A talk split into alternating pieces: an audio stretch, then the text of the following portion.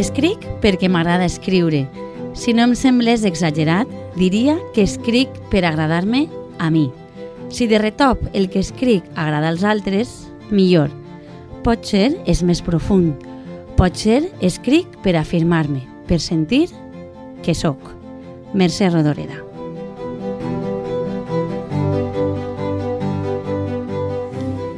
Benvingudes i benvinguts a l'Arquitectura de la Ficció, el podcast de Bromera, on parlem de les tècniques i recursos literaris que fan servir els escriptors i escriptores i despullem alguns dels seus secrets més ben guardats i també, per què no, alguna xafarderia. Com sempre, en aquest fantàstic viatge no estic mai sola i m'acompanya l'escriptor Vicent Usó, justament autor del llibre que, com bé sabeu, inspira aquest podcast. Hola, Vicent, com estàs? Què Hola. passa avui? Per, per què ves tan carregat? Doncs mira, és que en aquest podcast anem a parlar d'una de les fases que en major o menor grau hem de cobrir els escriptors quan elaborem una obra literària. Parle, m'estic referint a la documentació. I, si vols, la podem definir com un procés que procura l'escriptor aquella informació, diguem, de caràcter contextual que necessita un relat per a ser escrit, per a ser explicat. Aquesta informació pot incloure moltes coses, de fet pot incloure de tot, fets, utillatge històric, detalls tècnics, peculiaritats geogràfiques, variants lingüístiques, costums, com veus de tot. En general, tots aquells aspectes que l'escriptor o bé no coneix o bé no domina amb la suficient profunditat. Ara entenc tanta carpeta i tanta paperassa que tenim avui per ací. Vens de documentar-te ben a fons. I tant, però això no vol dir que estiga escrivint una novel·la històrica, com diu el tòpic. De fet, no hi ha un tipus d'obres determinats que requerisquen més documentació que unes altres, sinó que són les necessitats de documentar-se les que depenen del grau de desconeixement que tinga l'autor del tema sobre el qual està escrivint. De fet, mm, podríem dir que pràcticament totes les narracions exigeixen un cert procés de documentació, que pot adoptar, al meu parer, dues formes. La primera seria la documentació prèvia, que ha de servir per posar l'escriptor en situació de controlar les claus essencials de la història. És un procés que no podem dir tampoc quan es pot allargar, perquè arribarà fins al moment en què l'autor considere que ja s'ha impregnat prou de l'atmosfera on ha de moure's la història que vol explicar i que, per tant, se sent segur per arrencar, per posar-se a escriure. N'hi ha una altra documentació, que jo l'anomeno la documentació puntual, uh -huh. i que està formada per aquells dubtes que van sorgint mentre escrivim i que responen, pot ser a necessitats noves, les trames de vegades se'n van per camins que no esperàvem, i per tant no havíem contemplat aquesta possibilitat, però també a detalls més precisos. De sobte necessites saber la data en què va passar cert esdeveniment i has d'anar a buscar-la. No? Per tant, pot ser també detalls sobre els quals no hem aprofundit prou. Sí, perquè ara si t'equivoques en una data saps que eixes en Twitter al, al minut, eh? Això I, no, no, i abans pot- també, si no ja veuràs. no ens ho podem permetre. La documentació, pel que veig, dona seguretat, no? Mm, però mm, suposa que també, per més que documentes i que aquesta documentació prèvia siga molt exhaustiva i planifiques, sempre hi haurà, sempre hi haurà dubtes. Però el gran repte és, imagina, no abocar-ho tot al text, no? Com es fa per a introduir aquesta documentació? Sí, és el repte principal. I si et sembla, en lloc de contestar-te jo, deixem que t'escolti un expert com Jaume Cabré. Tota bona documentació és aquella que, convertida en anècdota, vestit, atmosfera, costum, és necessària i no gratuïta per al desenvolupament de la novel·la i sense la qual la novel·la no podria existir. I, a més, en el moment de la lectura, la seva presència no es nota. Per exemple, si vull fer entendre que la Rambla barcelonina no estava enllambordada a finals del 18, en comptes de dir-ho, cosa que no té cap sentit, faig que quan un personatge surt de l'hostal de les Quatre Nacions, com que no s'hi veu més enllà de la dèbil il·luminació de l'entrada de l'hostal, fica el peu en un toll d'aigua enfangada i renega. Quantes vegades, com a lector, m'he hagut de lamentar perquè evidencio que l'autor, en aquella escena, ens està encolomant fitxes i fitxes de documentació que no vol que quedin en l'oblit. Quan passa això, la novel·la em cau de les mans. El fragment correspon a un llibre per a mi fonamental per a tota aquella persona interessada en els processos d'escriptura. Parla del sentit de la ficció, com hem dit, de Jaume Cabré, i diu, al meu parer, una gran veritat. La informació de context que necessita el lector per entendre la història ha de ser-hi, però no s'ha de notar. La veritat és que és una reflexió que, que m'agrada molt, perquè si no pot semblar no, que al final l'autor t'estiga allisonant o, o fent un, una mena de classe, no? que, que al final no, no és l'objectiu. Clar. Eh, de fet, hem de tindre molt present que és l'autor qui necessita documentar-se, no el lector. Mm -hmm. El lector tan sols necessita situar-se o orientar-se.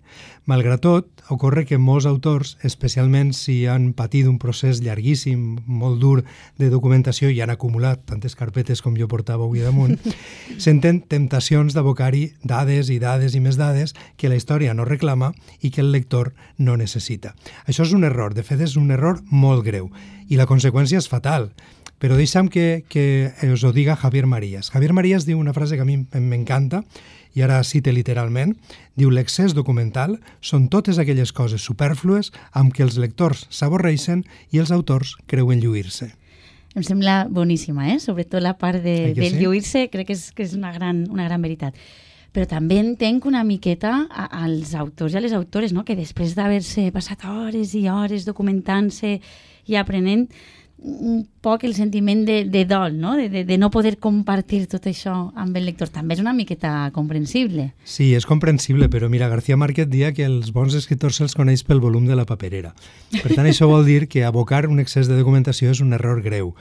Un altre error consisteix, per exemple, a traslladar les dades que hem obtingut en el procés de documentació d'una manera automàtica, sense elaborar-les, sense manipular-les, bé des de la Wikipedia o bé des d'una conversa, per exemple, en xat GPT, ara que està de moda, mm -hmm. i que ja saps que jo darrerament m'he aficionat. Això no vol dir que les meves novel·les d'ara endavant les escriga ningú que no siga jo. Eh? D'això en parlarem, eh? Haurem de parlar, haurem de parlar molt. Bé, ben al contrari, la documentació necessita un procés d'adaptació que la convertisca en material literari, de material informatiu a material literari. Per exemple, la descripció d'una ciutat no pot presentar-se com ho faria una guia turística, necessitem adaptar-la.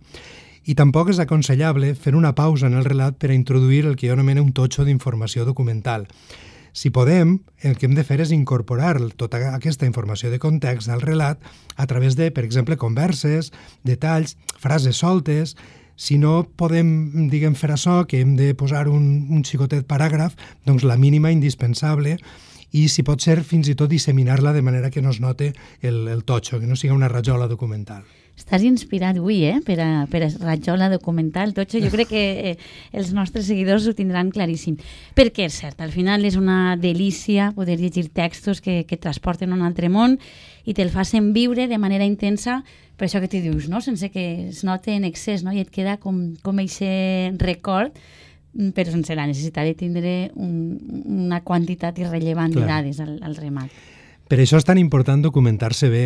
Hem de pensar que recrear tot un món, com és una novel·la, eh, i sobretot si el món ens resulta distant, bé en el temps o bé des del punt de vista personal de, de l'autor, és un procés que requereix una immersió molt intensa per part de l'autor. I si no t'ho creus, et propose que escoltem un fragment d'un altre llibre deliciós que es diu La vida, el temps, el món, sis dies de conversa amb Joan Francesc Mira. És un llibre entrevista que li fa per Antoni Pons i que és, com dic, una absoluta delícia. Vaig haver d'investigar i absorbir primer tot el món moral, polític, religiós, intel·lectual, social i cultural d'una època concreta. I el món físic en què vivien. Vaig haver de refer l'espai de la Roma tardomedieval, que no té res a veure amb la Roma barroca. Per això anava pels carrers de Roma amb gravats antics i narracions de l'època, a fi de reorganitzar aquell món. Quan contava que un personatge passa per un cert carrer, jo havia de saber com era aquell carrer el 1450 o el 1500. A mi m'agraden els condicionaments, m'agrada l'autocoerció. Els condicionaments em són útils. Hi ha escriptors que sembla que treballen sense i sovint, per la poca reflexió, van escrivint i els personatges els fan dir o pensar coses que no els pertoquen no cometrien els mateixos errors si foren conscients d'uns condicionaments amb els quals cal ser coherent.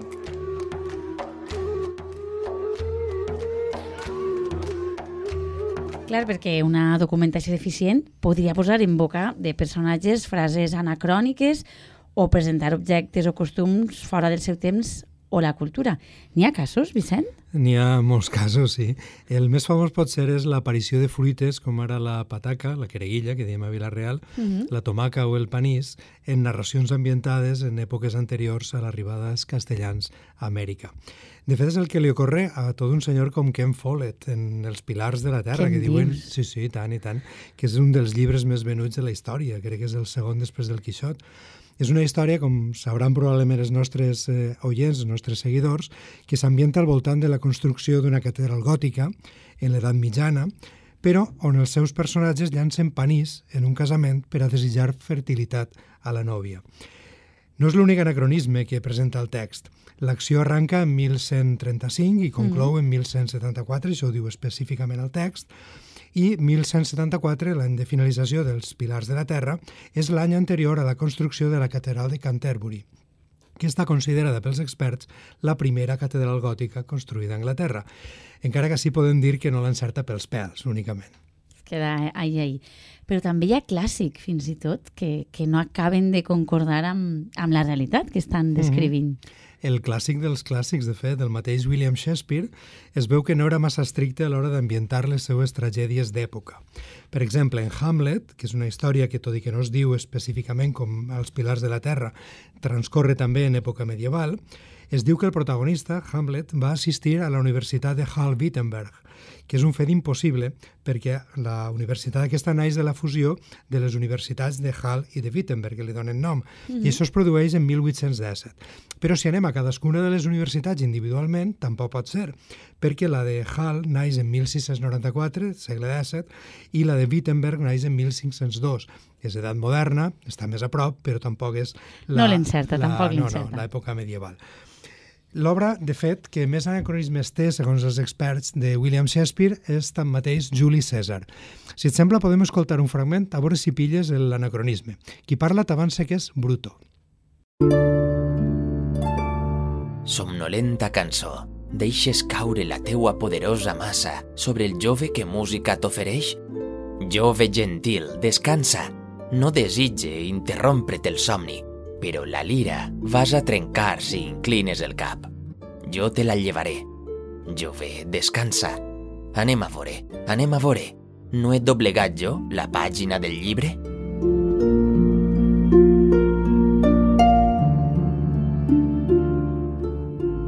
Em sembla a mi, Vicent, que, que Bruto era impossible que poguera conèixer l'existència dels llibres. Efectivament, els llibres ja existien en l'època de Shakespeare, però encara no existien en l'època romana.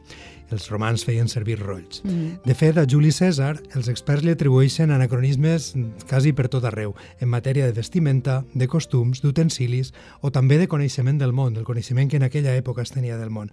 Però hi ha altres experts que afirmen que era una manera que utilitzava una estratègia que utilitzava Shakespeare per acostar la tragèdia al públic que assistia a les representacions de les seues obres. I, de fet, si ens fixem, tots aquests anacronismes acompleixen un paper dins de l'acció dramàtica, és a dir, no podem llevar-los perquè si els substituírem per les referències reals, els coetanis de Shakespeare probablement no haurien entès l'obra. O sigui que en aquest cas els anacronismes d'alguna manera podem dir que eren necessaris. Si més no, això diuen alguns experts. Pot ser perquè és Shakespeare, també podria ser. Una, un altre cas eh, ben peculiar és el de Gustave Flaubert, de qui es diu que va viatjar a l'actual Tunísia per a documentar-se de cara a l'escriptura de Salambó, una de les seues obres, que està eh, ambientada al segle III abans de Crist, que és poc després que els cartaginesos siguen derrotats pels romans en la primera guerra púnica. En un moment determinat de l'acció, Flaubert descriu, i ara cita literalment, per les amples fulles dels cactus s'arrossegaven els camaleons.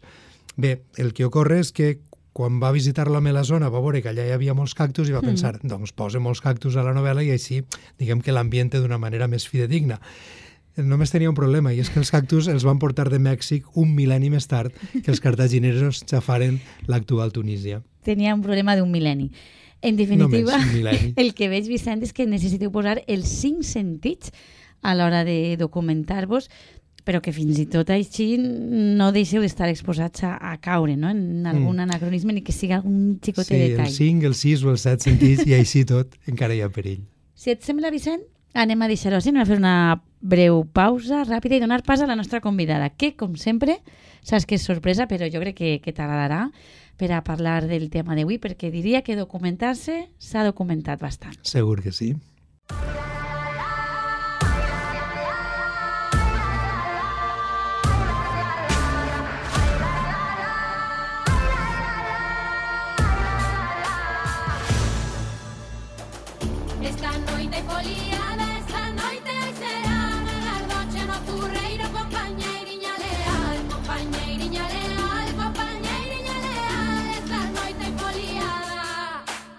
Vicent, ja t'havia avançat que avui portava una convidada, crec que molt adient, per a parlar del, del tema que has introduït. Es tracta de Marilar Aleixandre, és narradora, poeta, traductora, biòloga i membre de la Real Acadèmia Galega.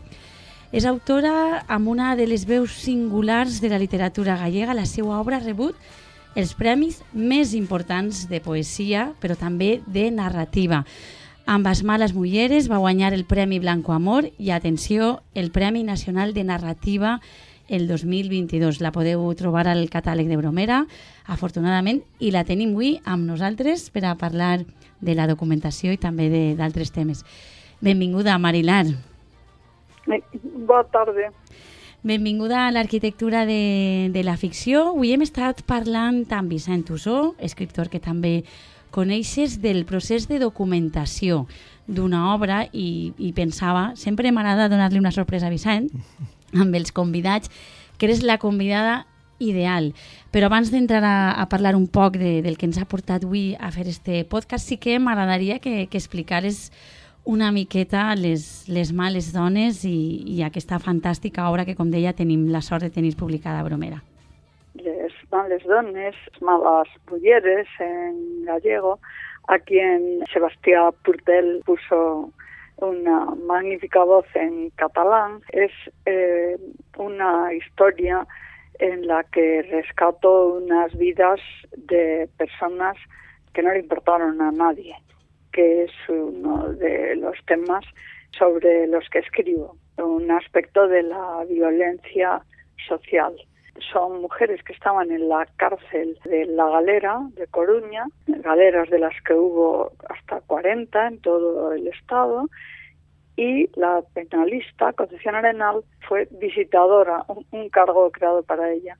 En la novela, pues hay personajes históricos, eh, aunque claro, yo les he puesto voz a mi manera, como Arenal, y una que probablemente no conozcáis, Juana de Vega, que, bueno, yo digo a veces que si fuera inglesa eh, tendríamos varias películas eh, sobre ella, eh, porque tuvo una vida muy aventurera e implicada en la política desde los 10 años en las revoluciones liberales. Y ellas crean una sociedad para enseñar a leer a las presas de la galera pensar que en ese momento la mayoría de la gente y sobre todo de las mujeres, más del 90%, eran analfabetas. Y luego hay una protagonista de ficción, Siska, que está en la cárcel eh, a los 15 años por haber acompañado a su madre a abortar y en el último aborto la madre murió. Digamos que estos son un poco los mimbres, los personajes de la novela que se centra en la tensión entre Arenal, que era muy religiosa, y Siska, pues que ve cómo se lee en la cárcel unas cartas a los delincuentes de Arenal en las que a las mujeres eh, infanticidas o aborta, acaban abortado se habla de ellas como monstruos o fieras. En una entrevista, Marilar, esmentaves que una de les coses que t'havia mogut a escriure Les males mulleres era justament no tindre notícia de l'aspecte la, de, de Concepción Arenal com a visitadora de presons que ara acabes de comentar. M'agradaria que ens parlares un poc de com va anar el procés de documentació. Mm, comences buscant informació sobre un tema que t'interessa, te trobes el tema quan estàs consultant documentació per alguna altra qüestió. Com va anar això de documentar-se? La novela uh, aparece en la idea leyendo la biografía de, de Concepción Arenal, pero no estaba buscando material para una novela, estaba escribiendo un ensayo eh, con María López Sández que se llama Moviendo los marcos del patriarcado, el pensamiento feminista de Emilia Pardo Bazán. Y leyendo tanto la biografía de ella, pero eh, en este caso la que escribió Ana Caballé sobre Arenal, pues encontré unas líneas ¿no? en la que decía que Arenal fue visitadora en la cárcel de Coruña, la galera. Las galeras eran cárceles de mujeres en 1863, en la que había 300 mujeres. Eso es lo que dice la biografía y esto es lo que a mí me fue como una bofetada porque desconocía que hubiera existido esa cárcel y que hubiera tantas mujeres y no solo yo, lo desconocía, comprobé pues digamos que todo el mundo en Coruña, digamos que no hay documentación. Sobre estas cárceles hay muy poco y la persona que más documentación tenía, Concepción Arenal, me dice que eh, ni hay nada ni vas a encontrar nada porque más o menos a nadie le ha interesado escribir sobre las cárceles. No sabemos ni siquiera los nombres de las mujeres que estaban allí, solo de una. Lo que hago es empezar a escribir eh, usando la imaginación y lo que sabemos de las cárceles en el siglo XIX. Eh, pero, pero luego después, eh, buscando, se me ocurrió meter en, en Internet otra cosa, que era el nombre de la sociedad que organizan Juana de Vega y Concepción Arenal, que se llamaba eh, la Sociedad de la Magdalena.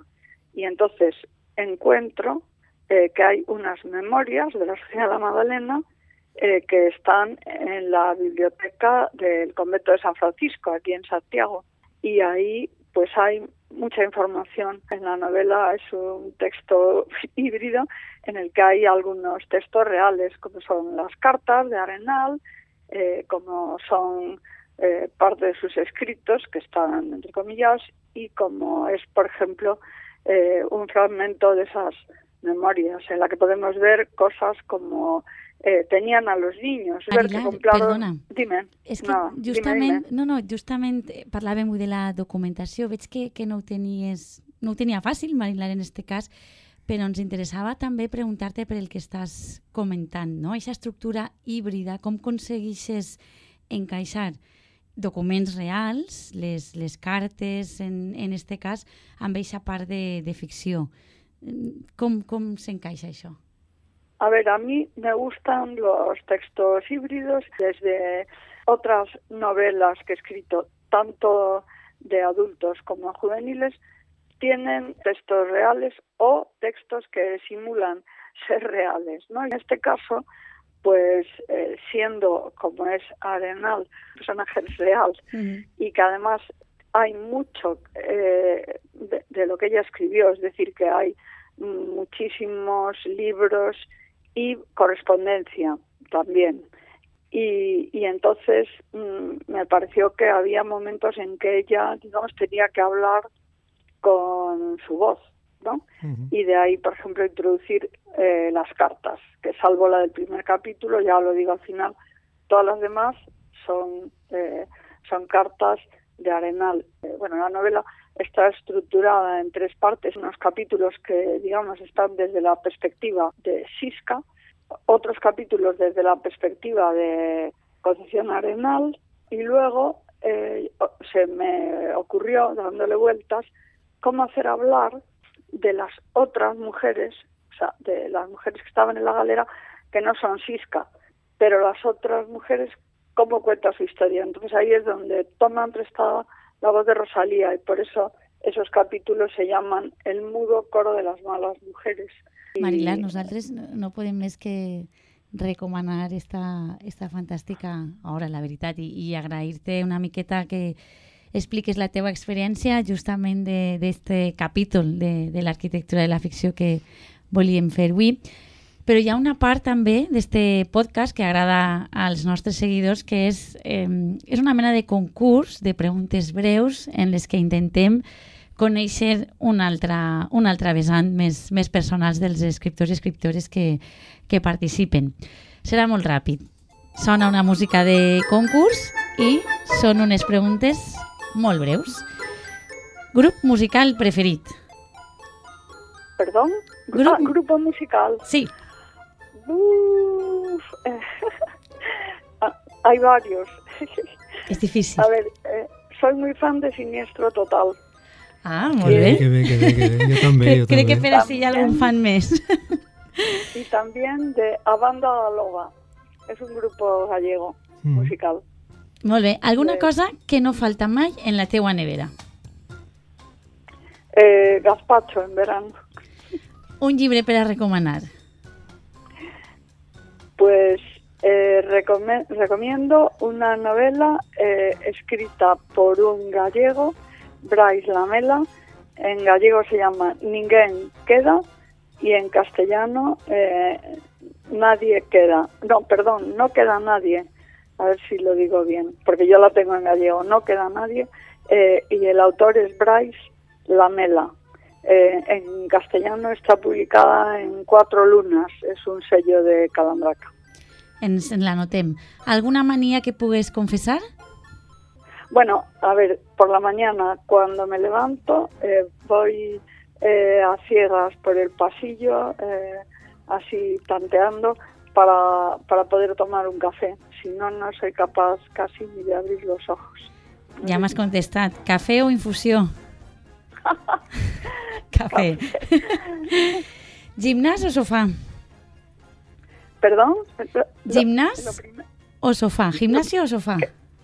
Ah, eh, yo ando, camino muchísimo, eh, pues hago entre 6, 7 a 10 kilómetros al día, pero no, no gimnasio y sofá tampoco porque lo- el lugar donde paso más horas pues es delante del ordenador. Tengo l'última, una la que més m'agrada a mi, Marilar. Si hagués pogut dirigir una pel·lícula, quina seria? A ver, si en este momento dirigiera una película, me encantaría que fuera sobre armadas mujeres y de las existentes Blaze Runner. Marilar, que- moltíssimes gràcies per, per deixar-te fer aquestes preguntes que, que acosten una miqueta als lectors i a lectores eh, la teva personalitat. No sé si, Vicent, vols dir alguna coseta a Marilar? Res que recomanar als, malla, als males mulleres, les males dones en bromera, i no res, saludar a Marilar. Una abraçada, Marilar, gràcies. Gràcies, Marilar. Una rosada. Gracias, Vicente. I ara sí, Vicent, arribem al final d'un nou episodi amb molta documentació i Mm, molta, molta tela avui, eh? Molta, molta carpeta. Ens tornarem a veure el pròxim episodi. Em donaràs un titular o no? No, ho deixarem per veure què passa. Ho deixem així. Fins prompte.